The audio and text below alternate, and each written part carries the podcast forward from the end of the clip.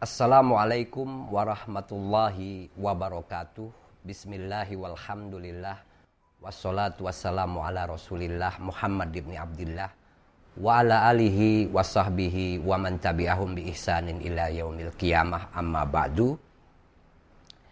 Faqala ta'ala ya ayyuhalladzina amanu idza qila lakum tafassahu fil majalisi fafsahu yafsahillahu lakum wa idza qila suzu fansuzu yarfa'illahu alladhina amanu minkum walladzina utul ilma darajat. Wa qala Rasulullah sallallahu alaihi wasallam man salaka tariqan yaltamisu fihi ilman sahalallahu lahu tariqan ilal jannah. Al hadis au kama qala Rasulullah sallallahu alaihi wasallam. Para pemirsa sekalian yang saya hormati selamat berjumpa kembali dengan saya dalam pengajian kitab tauhid yang disusun oleh dua orang ulama yaitu Syekh Nahrawi yang aslinya dari Mesir yang merupakan guru dari Imam Nawawi Al-Bantani dengan kitabnya Ad-Dur uh, Al-Farid fi Aqaidi Ahli Tauhid yang kemudian disyarahkan oleh Imam Nawawi Al-Bantani dengan judul kitab Fathul Majid. Pada kesempatan yang lalu saya sudah mulai membuka dan membacakan kitab ini baru kita menyelesaikan beberapa sedikit saja dari apa yang terkan, ter, termaktub di dalam kitab ini, maka pada kesempatan kali ini kita akan melanjutkan penjelasan kitab tauhid ini. Memang ma masih belum masuk pada penjelasan lebih apa spesifik tentang sifat-sifat yang wajib bagi Allah Subhanahu wa taala yang kita tahu jumlahnya ada 20. Mari sama-sama kita mulai membaca kitab ini fakultu barangkali ada yang membaca atau memegang kitab ini di tempatnya masing-masing silahkan uh, membuka di halaman 4 fakultu maka aku berkata ini kata Imam Nahrawi yang menyusun kitab ini wabillahi taufik dan hanya kepada dari Allah lah segala pertolongan. Jadi taufik itu artinya pertolongan dari Allah Subhanahu wa taala sehingga kita bisa melakukan berbagai kegiatan yang baik. Tanpa taufik, orang tidak bisa melakukan hal-hal yang baik dalam hidup ini, baik dalam bentuk ibadah atau dalam bentuk kerja-kerja positif. Itu semuanya adalah taufik dari Allah. Taufik itu artinya Allah menyesuaikan kita untuk melakukan hal-hal yang negatif, yang positif. Pertolongan.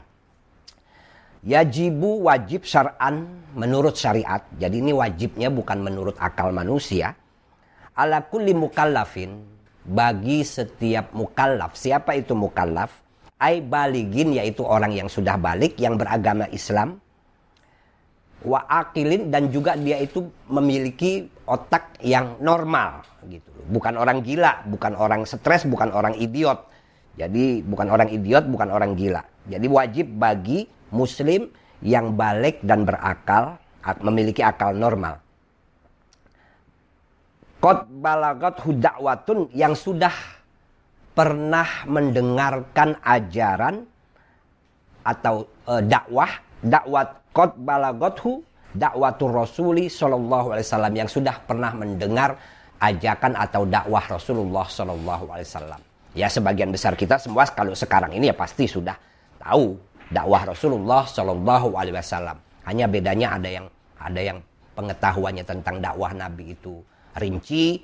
Uh, ini khusus bagi mereka yang memang mempelajari ilmu-ilmu agama. Ada yang mengetahuinya itu secara ya mujmal atau global-global saja.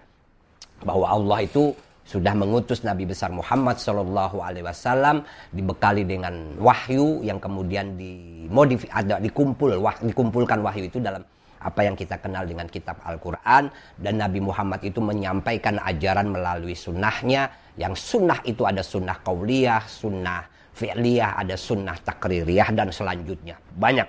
Jadi wajib bagi orang mukallaf yaitu orang muslim yang berakal orang muslim yang sudah balik balik itu artinya ya umurnya sudah mungkin kalau di zaman sekarang itu ya 10 10 12 sampai 12 tahun lah Artinya dia itu sudah bisa mencerna mana yang baik, mana yang tidak baik.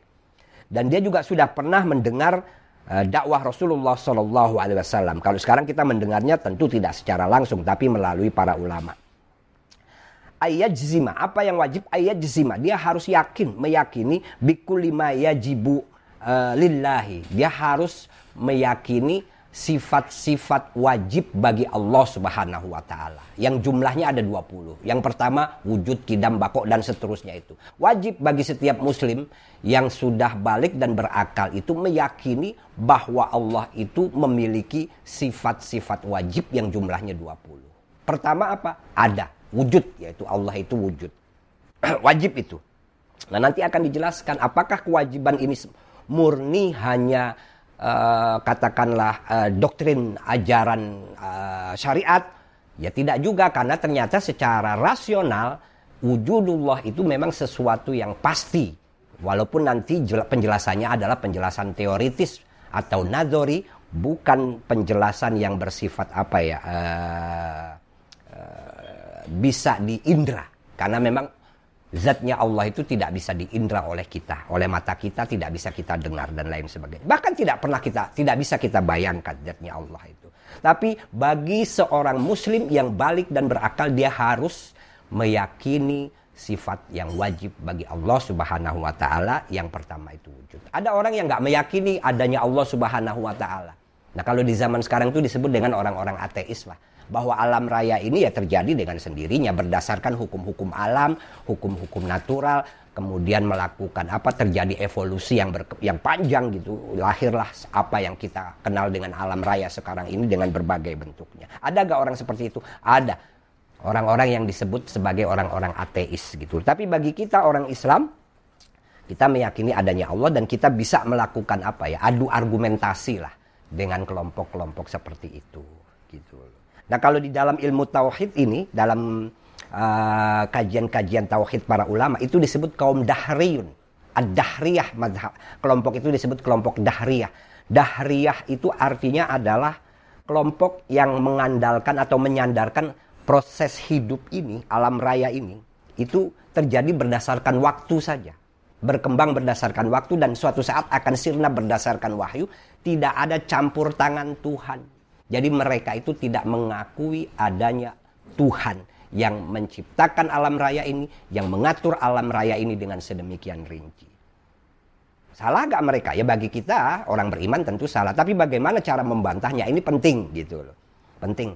Kalau kita baca buku-buku filsafat itu, mereka yang anti, bukan anti, mereka yang tidak meyakini adanya Allah itu, e, meyakini bahwa alam raya ini ya terjadi dengan begitu saja tanpa ada campur tangan Tuhan. Tapi kan kita sebagai orang beriman punya argumentasi bahwa tidak mungkin alam raya yang tersusun dengan rapi ini kemudian terjadi dengan sendirinya secara acak tidak mungkin. Alam raya ini sangat rapi. Saking rapinya alam raya ini, para ilmuwan kemudian meneliti yang melahirkan berbagai teori-teori ilmu pengetahuan baik yang bersifat eksak maupun yang bersifat non eksak, hard science ataupun soft science ilmu-ilmu yang lembut atau ilmu-ilmu yang keras. Ilmu yang keras ya akhirnya melakukan apa melahirkan ilmu matematika, ilmu teknologi, ilmu biologi dan lain sebagainya. Ilmu yang lembut kemudian melahirkan ilmu-ilmu eh, ilmu-ilmu sosial atau yang sering juga disebut dengan ilmu-ilmu humaniora. Mana mungkin alam raya ini terjadi dengan begitu saja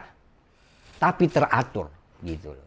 Pasti ada yang mengaturnya. Itu ibarat orang melempar eh, katakanlah lima mata dadu.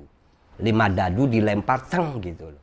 Apakah mungkin ketika kita melempar lima dadu itu, setiap dadu itu akan menyusun satu, dua, tiga, empat, lima angka yang tertera di dalam dadu yang sisinya ada enam itu. Rasanya tidak mungkin. Tapi dadu itu akan bisa tersusun menjadi satu, dua, tiga, empat, lima, enam, eh lima, karena yang kita lempar lima dadu, itu pasti ada intervensi, ada yang mengatur. Nah, dalam ilmu tauhid yang mengatur itu adalah zat yang maha hebat, zat yang maha mulia yang namanya Allah Subhanahu wa taala. Dari mana kita tahu namanya Allah? Dari wahyu yang disampaikan kepada Nabi besar Muhammad sallallahu alaihi wasallam. Jadi tidak mungkin alam raya tercipta dengan sendirinya, pasti ada yang menciptakan. Secara logika kita melihat segala segala apa yang kita lihat ini benda-benda di sekitar kita atau bahkan diri kita sendiri itu ada karena ada yang membuat. Kamera ada karena ada yang membuat. Peci ini ada karena ada yang membuat. TV ini ada karena ada yang membuat. Kursi ini ada karena ada yang membuat. Tidak ada benda yang ter, uh, ada tapi tidak ada pembuatnya. Semua pasti ada yang membuatnya. Oleh sebab itu Allah itu disebut juga as-sababul asbab, prima causa, penyebab pertama dari segala sesuatu yang ada di alam raya ini. Nah, wajib bagi mukallaf itu meyakini apa yang wajib bagi Allah Subhanahu wa taala yaitu sifat-sifat wajib yang jumlahnya ada 20 itu. Selain itu apa? Wama yastahilu dan juga dia harus meyakini apa-apa yang mustahil bagi Allah Subhanahu wa taala. Wa ma yajuzu dan apa yang boleh bagi Allah Subhanahu wa taala. Yang yang mustahil mustahil bagi Allah ada berapa? Ya ada 20. Lawan dari sifat wajib yang 20 itu. Wujud lawannya Adam. Itu Adam itu tidak ada. Itu mustahil Allah itu tidak ada. Kidam itu artinya kekal. Nah, tidak berawalan. Maka Allah itu tidak mungkin fana gitu loh. Apa tidak mungkin Allah itu hadis Hadis itu artinya ada awalnya. Allah itu dibuat tidak mungkin, tidak mungkin dan seterusnya. Nah, jadi selain kita yakin akan sifat-sifat wajib bagi Allah, seorang muslim juga yakin harus yakin sifat-sifat mustahil bagi Allah yaitu lawan dari sifat wajib bagi Allah. Selain yakin terhadap yang wajib dan yang mustahil, kita juga yakin pada sifat jais bagi Allah Subhanahu wa taala yang jumlahnya itu ada satu. Cuma satu itu, yaitu fi'lu syai'in au la fi'lu. Melakukan sesuatu atau tidak melakukan sesuatu. Itu eh, jais bagi Allah.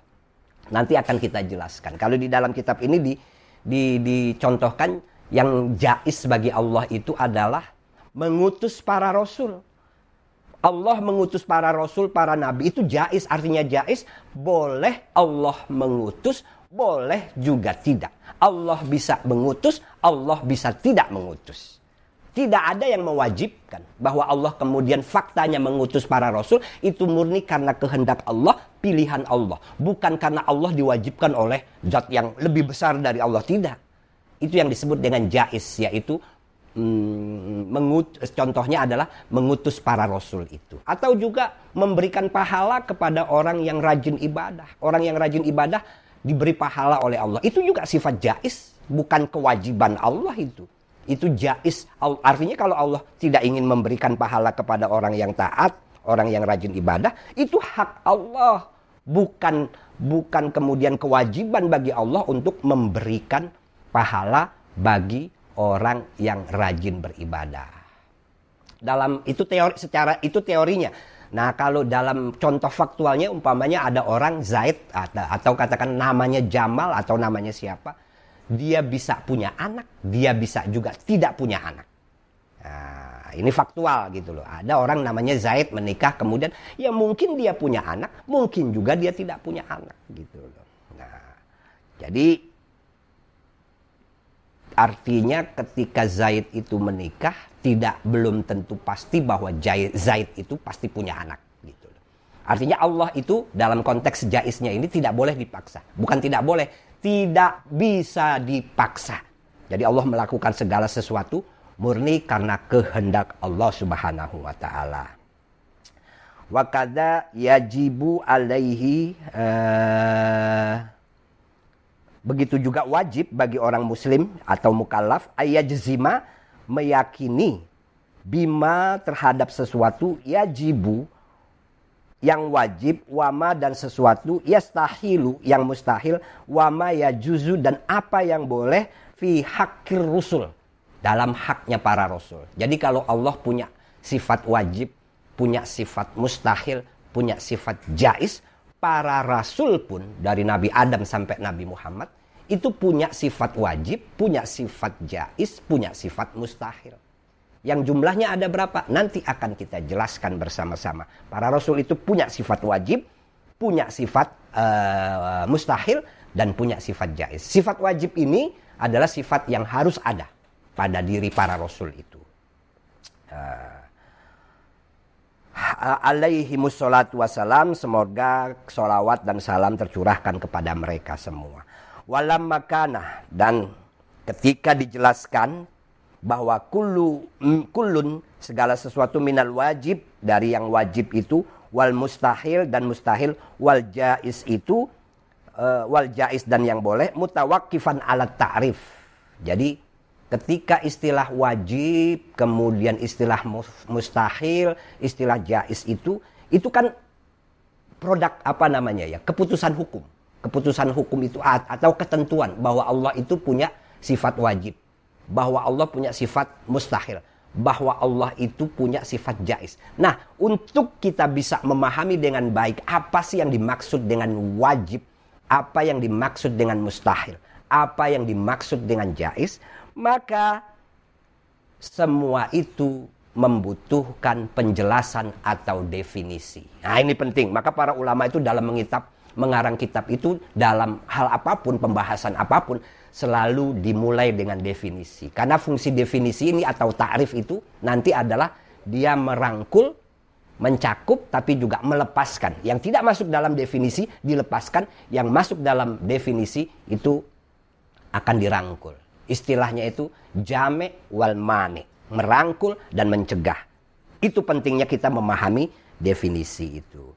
Jadi uh, walam makana kullum minal wajib wal mustahil wal jais mutawakifan ala ta'rif. Semuanya itu perlu untuk diketahui definisinya.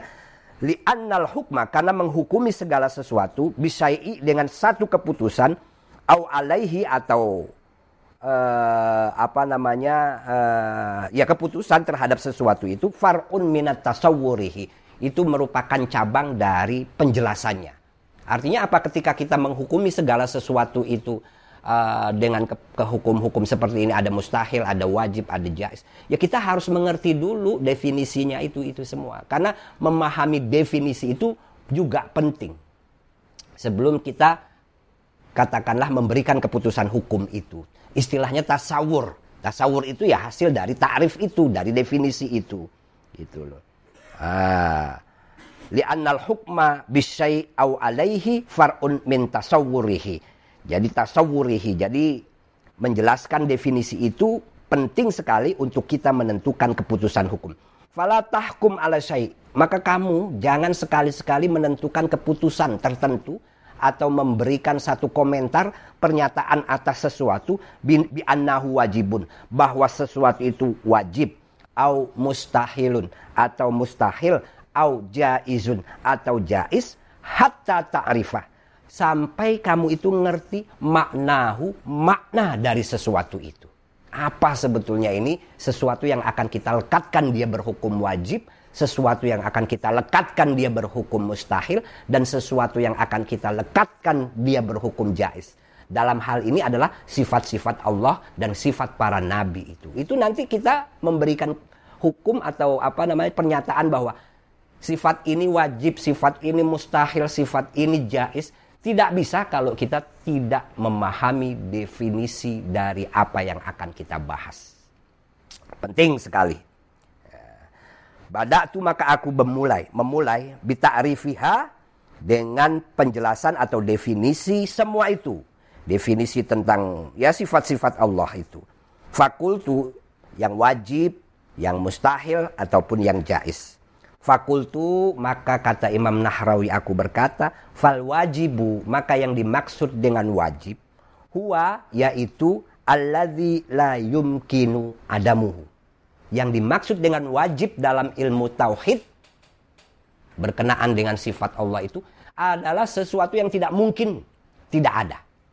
Wajib itu sesuatu yang tidak mungkin tidak ada. Pasti ada, itu wajib. Nah ini penting sekali. Kalau dalam fikih wajib itu artinya adalah definisinya yaitu perbuatan yang kita diperintahkan untuk melakukan sehingga kita dapat pahala. Yang kalau kita tinggalkan kita mendapat dosa. Itu dalam fikih. Kalau dalam tauhid definisi, definisi uh, wajib itu lain lagi. Yaitu uh, alladzi la yumkinu adamuhu. Sesuatu yang tidak mungkin tidak ada. Tidak mungkin, pasti ada wajib ada. Itu namanya wajib. Nah, contoh wadalika, contohnya kata hayusi lil jirmi.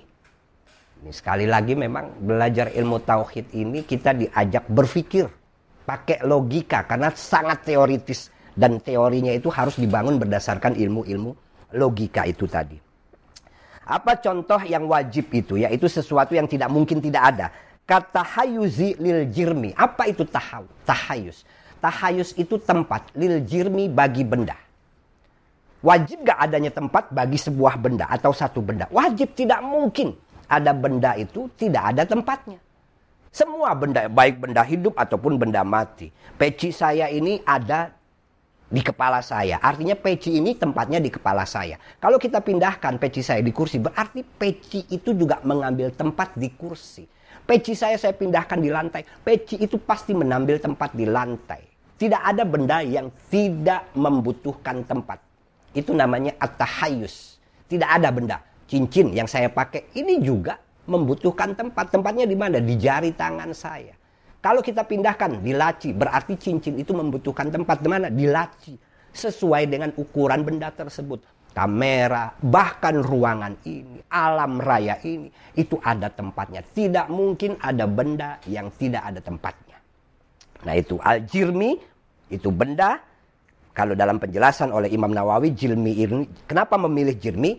Padahal untuk menunjuk benda itu ada kata atau bahasa Arab lainnya yaitu al-jauhar atau juga al-jism. Nah, bedanya kalau jism itu uh, jauhar yang tersusun, sementara jauhar itu benda paling kecil. Nah, kalimat atau kata jirmi ini dipilih oleh Imam Nahrawi karena dalam kalimat jirmi sudah mengandung jauhar, kata jauhar, dan juga sudah mengandung kata al-jismu. Maka dalam bahasa Indonesia, untuk mempermudah, kita pahami saja kata al-jirmu itu adalah maksudnya benda. Tidak ada benda yang tidak membutuhkan tempat.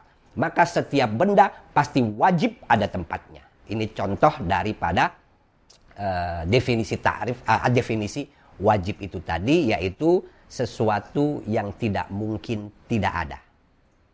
Nah, wadalika kata hayuzi lil jirmi seperti adanya tempat bagi benda. Wakadat ini tadi contoh yang faktual yang bisa kita lihat lah. Gitu. Kita bisa lihat, tapi ada contoh itu yang sifatnya nazori, teoritis. Apa? Wakadatillahi seperti zatnya Allah Subhanahu wa taala wasifatihi dan sifatnya Allah. Fa inna kullam minhuma keduanya baik zat Allah dan juga sifatnya la yumkinu adamu tidak mungkin tidak ada. Masa Allah tidak ada? Kalau Allah tidak ada bagaimana alam raya ini bisa tersusun dengan baik, tercipta dengan baik? Yang melahirkan kemudian kemudahan kemudian bagi mereka yang menelitinya, yang melahirkan kemudian ilmu pengetahuan yang luar biasa itu yang jumlahnya tak terhingga itu. Ya, walaupun ya tentu tidak semua manusia bisa menguasai ilmu itu. Tapi masing-masing manusia ada yang menguasai, ada yang menguasai astronomi, ada yang menguasai geologi, ada yang menguasai biologi, ada yang ahli virus, ada yang ahli agama, ada yang ahli ilmu sosial dan lain sebagainya. Itu berkat dari ketersusunan alam raya ini yang sedemikian sedemikian sedemikian rapi. Tidak mungkin alam raya ini rapi dan terwujud dengan sendirinya. Pasti ada zat, ada yang menciptakan, yang maha hebat, maha teliti, maha berkuasa. Namanya siapa? Di dalam Islam kita dikenalkan oleh uh, melalui malaikat Jibril yang disampaikan kepada Nabi Muhammad. Namanya adalah Allah Subhanahu wa taala. Ada nama lain ada yang terkandung di dalam apa yang kita kenal dengan al-asma al-husna. 99 nama yang uh, indah-indah itu. Nah, uh, wajib adanya zat Allah, wajib adanya sifat Allah. Ini ini teoritis gitu loh. Karena kewajiban ini dibangun berdasarkan teori, menggunakan logika. Kalau benda wajib adanya benda itu tidak teoritis karena itu faktual, bisa kita lihat la yumkinu adamuhu tidak mungkin uh, apa namanya al, tidak ada zat Allah dan tidak punya sifat itu tidak mungkin wal mustahil sekali lagi kita kembali sebelum masuk ke mustahil. Yang disebut dengan yang wajib dalam ilmu tauhid itu adalah ma la yumkinu adamuhu. Sesuatu yang tidak mungkin tidak ada. Pasti ada. Selanjutnya wal mustahilu. Dan yang dimaksud dengan yang mustahil dalam ilmu tauhid waladhi la yumkinu wujudu wujuduhu. Ini kebalikannya. Kalau wajib itu sesuatu yang tidak mungkin tidak ada, kalau mustahil itu adalah sesuatu yang tidak mungkin ada. Itu mustahil. Jadi kewajiban eh kebalikan dari yang wajib.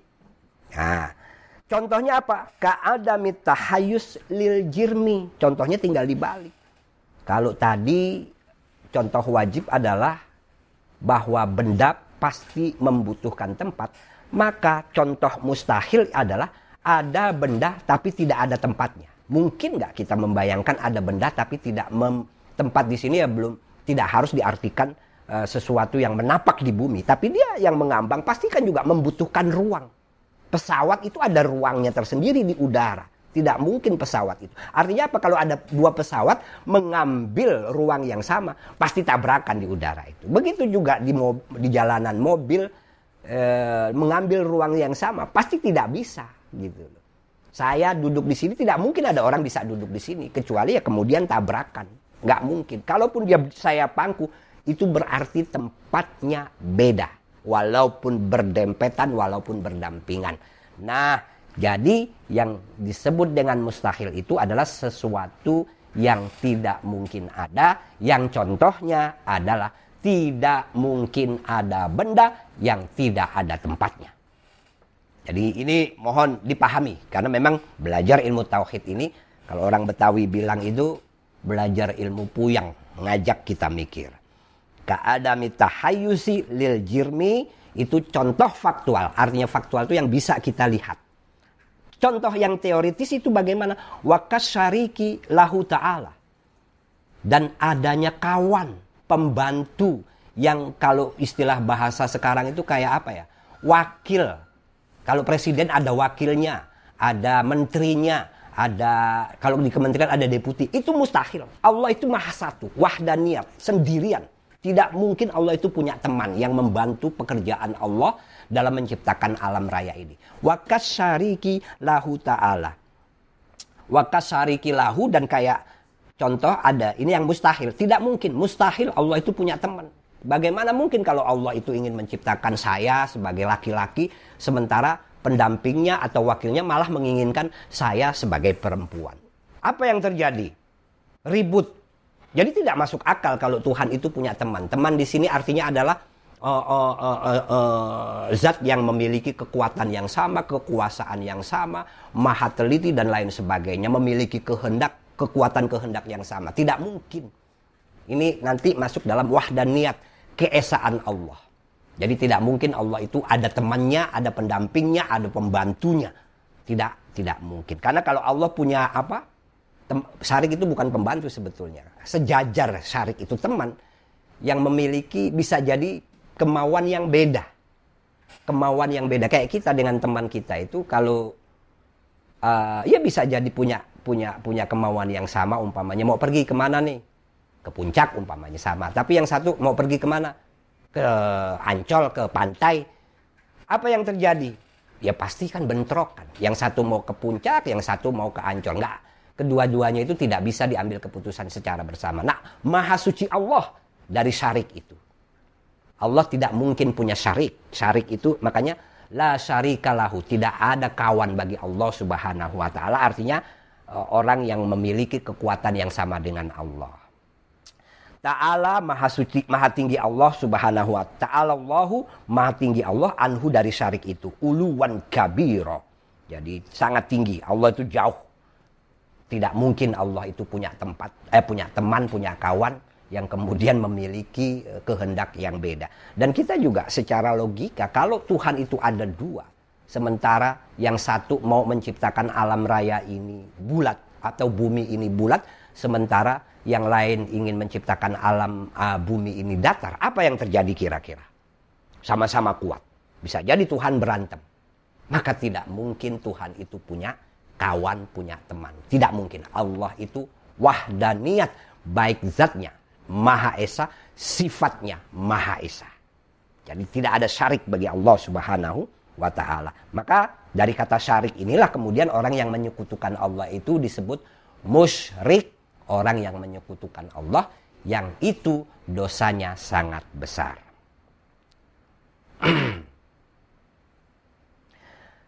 Yang ketiga wal jaizu dan apa yang dimaksud dengan sifat jais yaitu huwa jais alladzi yumkinu wujuduhu yang boleh ada wa adamuhu boleh juga tidak ada. Bisa ada, bisa tidak ada. Wadalika dan yang contoh daripada sifat jais itu kabi satir rusul seperti diutusnya para rasul, para nabi itu alaihi wassalatu wassalam. Jadi Allah itu tidak wajib mengutus rasul. Itu jais artinya pilihan Allah, kehendak Allah. Tidak ada yang mewajibkan. Allah wajib mengutus rasul, tidak ada. Allah mengutus Rasul atau tidak mengutus Rasul itu kehendak Allah Subhanahu wa taala. Walaupun secara faktual para rasul itu sudah diutus oleh Allah ke muka bumi ini dari Nabi Adam sampai Nabi besar Muhammad sallallahu alaihi Tapi keutusnya para rasul ini masuk dalam kategori jais bagi Allah Subhanahu wa taala. Bukan wajib, bukan wajib. Andai Allah tidak mengutus Rasul juga Allah tidak ada yang kalau bahasa kita nggak ada yang ngomelin gitu loh. Kalau wajib itu kan sesuatu yang harus dikerjakan. Kalau nggak dikerjakan kita akan diomelin gitu loh. Nah kalau Allah ketika mengutus para Rasul ini tidak ada yang mewajibkannya sehingga Allah mau mengutus ya terjadi. Seandainya Allah tidak mau mengutus pun juga tidak ada yang akan mampu mengekang dan memaksa Allah Subhanahu wa taala. Betul-betul wahdaniyat dalam sifatnya Allah itu. Kabi satir rasul, kabi satir rasul seperti diutusnya para rasul alaihi salatu alaihi musallatu wassalam. Wa isabatil muti dan memberikan pahala kepada orang yang taat. Orang yang taat sholat, taat puasa, berhaji, umroh, bersedekah. Itu dapat pahala dalam ajaran syariat. Tapi itu bukan kewajiban bagi Allah. Jadi Anda jangan sombong ketika Anda itu dengan belajar tauhid ini harus tahu kita rajin sholat, rajin puasa. Nggak boleh merasa, ya Allah aku kan sudah sholat, saya kan sudah puasa, bahkan saya sudah sering umroh, saya sudah sedekah. Maka wajib bagimu ya Allah untuk memberikan kepahala kepadaku. Nggak bisa, karena kita dapat pahala dari ibadah yang kita lakukan. Itu murni kehendak Allah. Seandainya Allah tidak memberikan pun juga tidak ada yang bisa menuntut. Bagaimana mungkin kita menuntut kalau kita pun menyadari bahwa pada hakikatnya perbuatan kita, pada hakikatnya diri kita juga ini adalah bagian dari kehendak Allah Subhanahu wa taala. Kita ada ini karena Allah yang berkehendak. Kalau Allah tidak berkehendak, maka Allah tidak ada. Bagaimana yang keadanya itu dikehendaki oleh Allah, tapi kemudian menuntut apa-apa yang dia lakukan harus mendapatkan pahala dari Allah Subhanahu wa taala. Itu tidak masuk, tidak masuk akal. Sehingga ketika kita rajin ibadah dan lain sebagainya, tetap dengan segala kerendahan hati karena sudah belajar ilmu tauhid, menyadari bahwa pahala itu bukan kewajiban yang Allah harus berikan kepada kita, tapi itu bagian dari rahmat dari Allah Subhanahu wa taala karena sayangnya Allah kepada kita. Apakah dengan demikian kita tidak perlu ibadah? Tetap kita harus ibadah. Kalau ibadah aja kita itu belum tentu dapat pahala, apalagi yang tidak ibadah. Secara normal dalam fikih jelas itu dijelaskan bahwa ibadah yang dilakukan mendapatkan pahala kalau itu yang berhukum wajib. Kalau tidak dilakukan yang berhukum wajib itu akan mendapatkan dosa. Maka kita harus mengikuti aturan yang terdapat dalam fikih. Tapi secara tauhid, pahala yang diberikan oleh Allah kepada kita yang menjalankan ibadah itu bukan kewajiban bagi Allah Subhanahu wa taala. Karena tidak ada yang mewajibkan Allah untuk melakukan ini dan itu. Wa isabatul muti wa kawala wa kawaladin li Zaidi. Nah, ini kayak anak bagi Zaid. Anak bagi Zaid. Artinya Zaid ini menikah dengan perempuan katakanlah namanya Asma atau uh, siapa namanya macam-macam. Pokoknya perempuan. Kemudian dia bisa punya anak, bisa juga tidak punya anak. Dan fakta itu. Banyak kok orang yang walaupun menikah tapi tidak punya anak. Ini contoh faktual. Sementara Isa Batul Muti itu namanya contoh teoritis atau nadoriyah. Nah ini yang harus dipahami. Famimma yajibuli ta'ala. Nah eh, jadi pada kesempatan kali ini kita sudah mendapatkan penjelasan tentang apa yang dimaksud dengan wajib, dan apa yang dimaksud dengan mustahil dan apa yang dimaksud dengan jais yang bersangkutan yang berhubungan dengan sifat Allah, zat Allah, sifat Allah dan juga berhubungan dengan sifat para nabi dan para rasul itu. Kiranya pertemuan pada kesempatan kali ini cukup sampai di sini dulu. Mudah-mudahan penjelasan yang saya sampaikan itu bisa dipahami dengan baik dan e, bisa mudah dipahami. Karena memang belajar ilmu tauhid ini sekali lagi e, kita membutuhkan teori-teori logika yang maka itu saya sering mengatakan bagaimana mungkin kita itu beragama tanpa akal sementara kita bisa meyakini adanya Tuhan itu bangunan teorinya itu dibangun berdasarkan teori-teori logika. Maka tidak mungkin orang bisa memahami ajaran agama dengan baik dan benar tanpa menggunakan akal. Bedanya ada akal yang terbimbing, ada akal yang tidak terbimbing. Akal yang terbimbing bagaimana? Ya akal yang eh, katakanlah dia itu betul-betul belajar agama dari awal, dari runut, dari yang Eh, belajar tajwid, belajar bahasa Arab, belajar fikih, nahu dan lain sebagainya itu. Nah, itu namanya akal yang terbimbing. Sehingga dia mengikuti metodologi yang sudah dirumuskan oleh para ulama atau manhaj yang sudah dirumuskan oleh para ulama yang kemudian melahirkan madhab. Itu akal. Nah, yang dilarang itu menggunakan akal tapi tanpa metodologi, sendirian semau-maunya. Wah, ngarang-ngarang. Nah, itu yang tidak boleh gitu loh. Eh, nggak ngerti bahasa Arab, berusaha memahami Al-Quran, bagaimana mungkin Anda bisa memahami ajaran Islam dengan baik dan benar kalau bahasa Arab aja ada nggak ngerti, kan begitu. Jadi sekali lagi, la dina, ad-dinu aklun, la dina liman la aklalah. Beragama itu artinya harus menggunakan akal. Dan tidak ada orang beragama bisa dengan baik kalau tidak menggunakan akalnya. Ini saja yang dapat saya sampaikan pada kesempatan kali ini. Mudah-mudahan bermanfaat buat kita semua. Mudah-mudahan membaca kitab tauhid ini memperkuat iman kita sehingga juga kemudian membentuk kita menjadi pribadi yang bertakwa yang sesungguhnya yang memang itulah kehendak dari Allah dan Rasulullah Shallallahu Alaihi Wasallam. Mohon maaf jika ada kekurangan. Wallahul muwafiq ila aqwamit thoriq. Wassalamualaikum warahmatullahi wabarakatuh.